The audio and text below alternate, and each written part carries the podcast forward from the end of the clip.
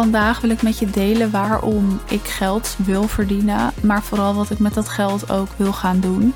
En het voelt toch stiekem best wel als een kwetsbare aflevering. Ik heb dit namelijk nog nooit met iemand gedeeld op twee à drie mensen na waarvan er één de afgelopen week was.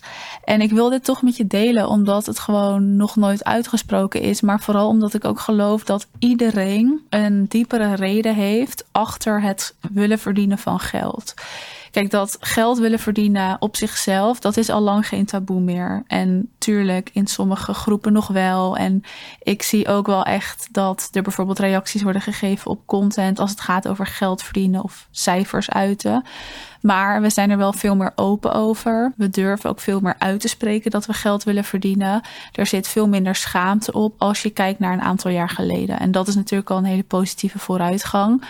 Maar ik wil dus even met je delen ook wat mijn reden daarachter is en wat ik daarmee wil doen. En dat heeft niks te maken met mijn bedrijf nu.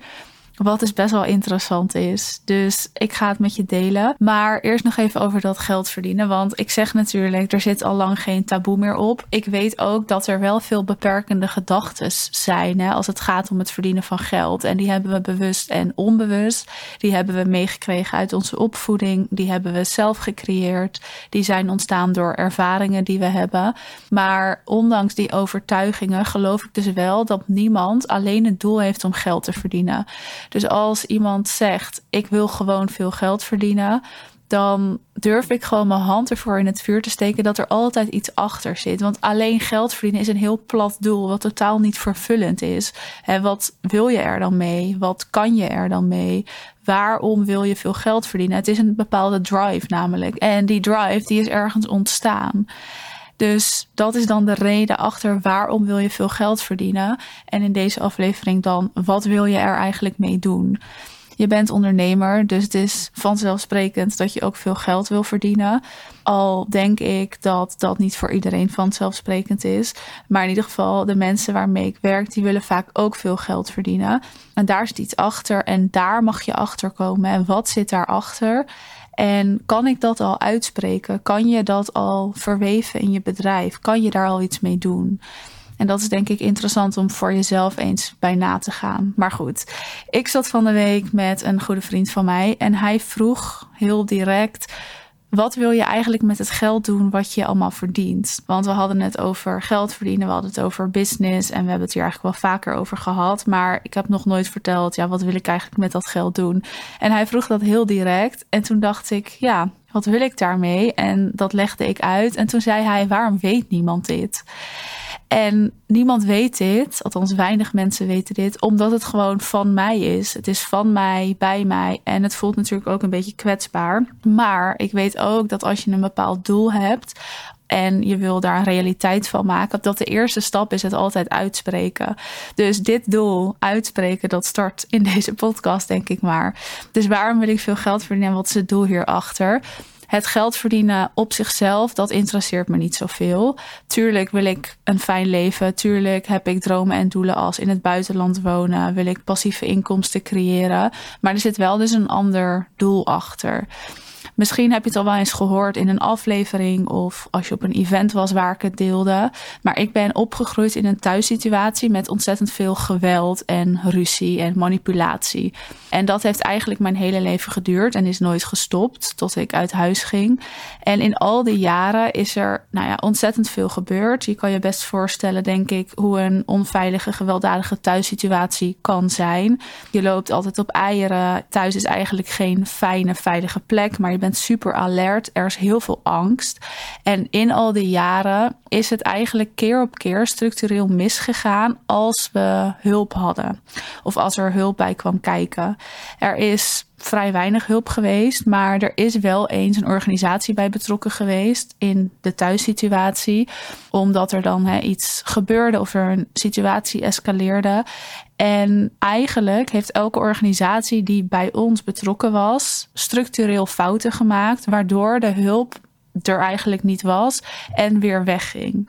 En elke keer als er een organisatie bij kwam, dan was dat weer een stukje hoop dat het beter zou gaan.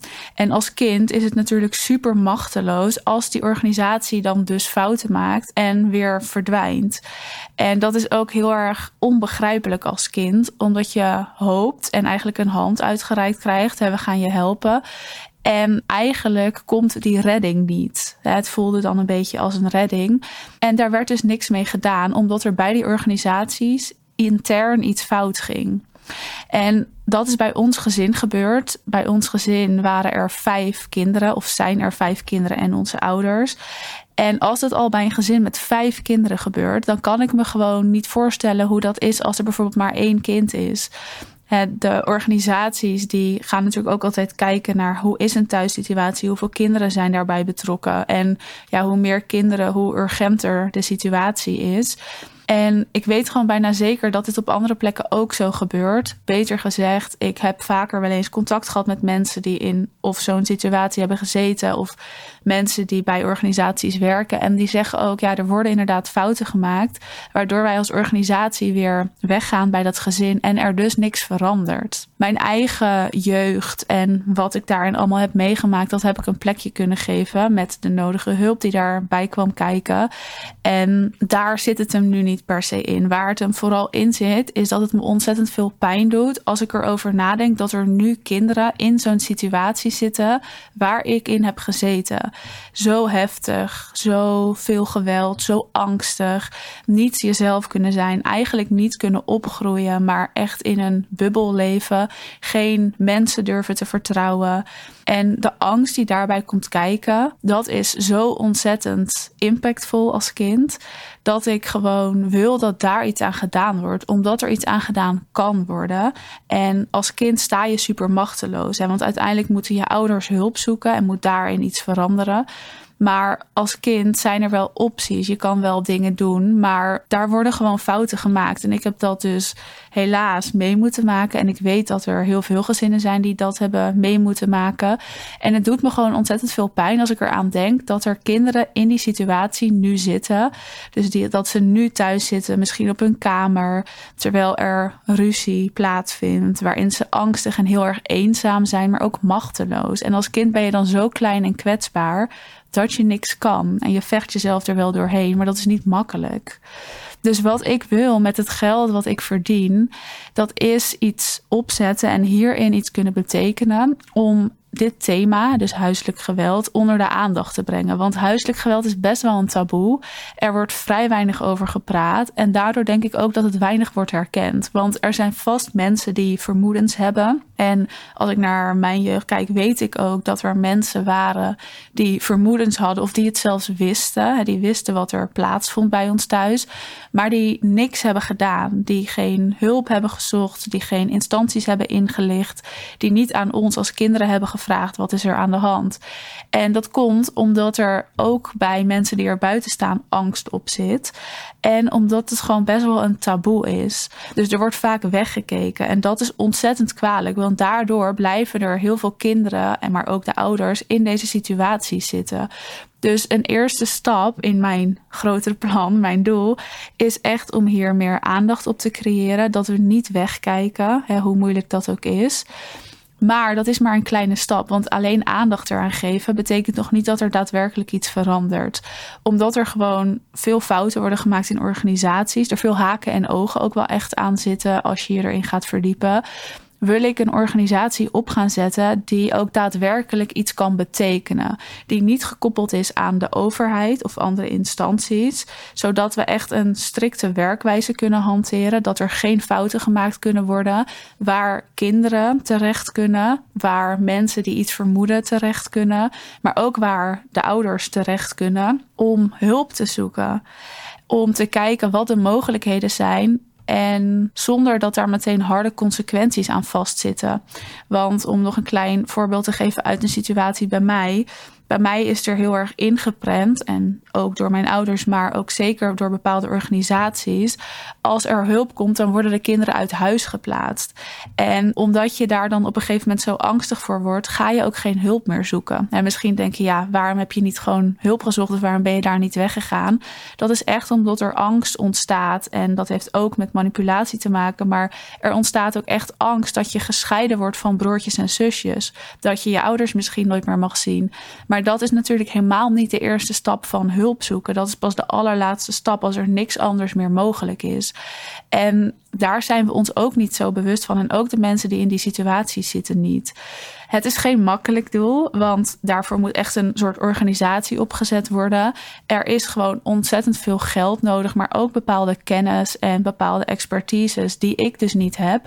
Dus ik zal mensen in de hand moeten nemen die mij hierbij gaan helpen. Mensen koppelen aan de organisaties, ervaringsdeskundigen. Uh, er is veel voor nodig. Hoe dat er precies uit gaat zien, ja, dat weet ik niet. Maar ik weet wel dat daar geld voor nodig is voordat ik zoiets kan opzetten. Dus dat is wat ik uiteindelijk met mijn geld wil doen. En dat zit achter het vele geld willen verdienen. Naast dat ik natuurlijk ook gewoon lekker wil leven en uh, wil genieten van dat geld, is dit wel een dieper doel. En ik zou nooit stoppen overigens met het bedrijf wat ik nu aan het opzetten ben. Want de kennis en expertise die ik heb in de marketing, sales, bedrijfsvoering en überhaupt het opbouwen van een bedrijf. Ja, daar gaat mijn hart echt sneller van kloppen. En daar ligt mijn vuurtje. Dus ik zou hier nooit meer mee stoppen. En dat stukje strategie, bedrijf bouwen en vrouwen daarin helpen. En vooral ook inspireren en motiveren en laten zien wat er mogelijk is. Dus dat zou altijd blijven ontstaan. Maar uiteindelijk is dat geld er dus ook om zo'n organisatie op te kunnen zetten. En nogmaals, ik heb echt nog niet duidelijk hoe dat er precies uit moet zien. Wat ik daar allemaal voor nodig heb. Maar een eerste stap is het al onder de aandacht brengen van überhaupt het thema huiselijk geweld. En ook daar is geld voor nodig. En ja, hoe dat er dan precies uit gaat zien, hoe ik dat dan precies ga doen, de tijd zal het leren. Maar ik weet wel dat dat het doel is en dat dat is wat ik met mijn geld wil gaan doen. En dat betekent ook dat ik nu veel geld wil verdienen, heb te verdienen, op wat voor manier dan ook, zodat ik dat doel kan bereiken. En de hoe, dus hoe ik dat geld wil verdienen, dat kan ik gelukkig doen met iets wat mij aan het hart gaat, wat ik leuk vind, waar ik goed in ben. En dat is natuurlijk fijn dat ik die combinatie heb, dat ik weet waarvoor het is, maar dat ik het ook kan doen met iets wat ik gewoon leuk vind, wat bij mij past. En dat is eigenlijk de gouden combi. Dus misschien goed om ook voor jezelf na te denken: wat is die diepere laag? En het hoeft helemaal niet heel groot of heftig te zijn. Wie weet wil je gewoon je familie iets moois kunnen bieden, omdat dat vroeger er niet was, of omdat het er juist wel was. Dus het kan hem letterlijk in van alles zitten. Dus het hoeft niet zo groot te zijn of heftig te zijn. Het kan ook iets heel kleins en iets heel moois zijn. En daarvoor mag je ook veel geld willen verdienen. Maar het is wel mooi om te weten, wat is die reden? Wat zit daarachter? En hoe ga ik dat dus doen? En de hoe, dat dat ook bij je past. Hè, dus waarmee je het geld verdient. Dat daar ook je hart sneller van gaat kloppen. Dan heb je eigenlijk twee mooie doelen waar je naartoe aan het werk bent of waar je mee bezig bent. En dan is het ook makkelijker om door te gaan, door te zetten, consistenter te zijn. Als het even moeilijk is, niet op te geven, omdat je weet waarvoor je het doet.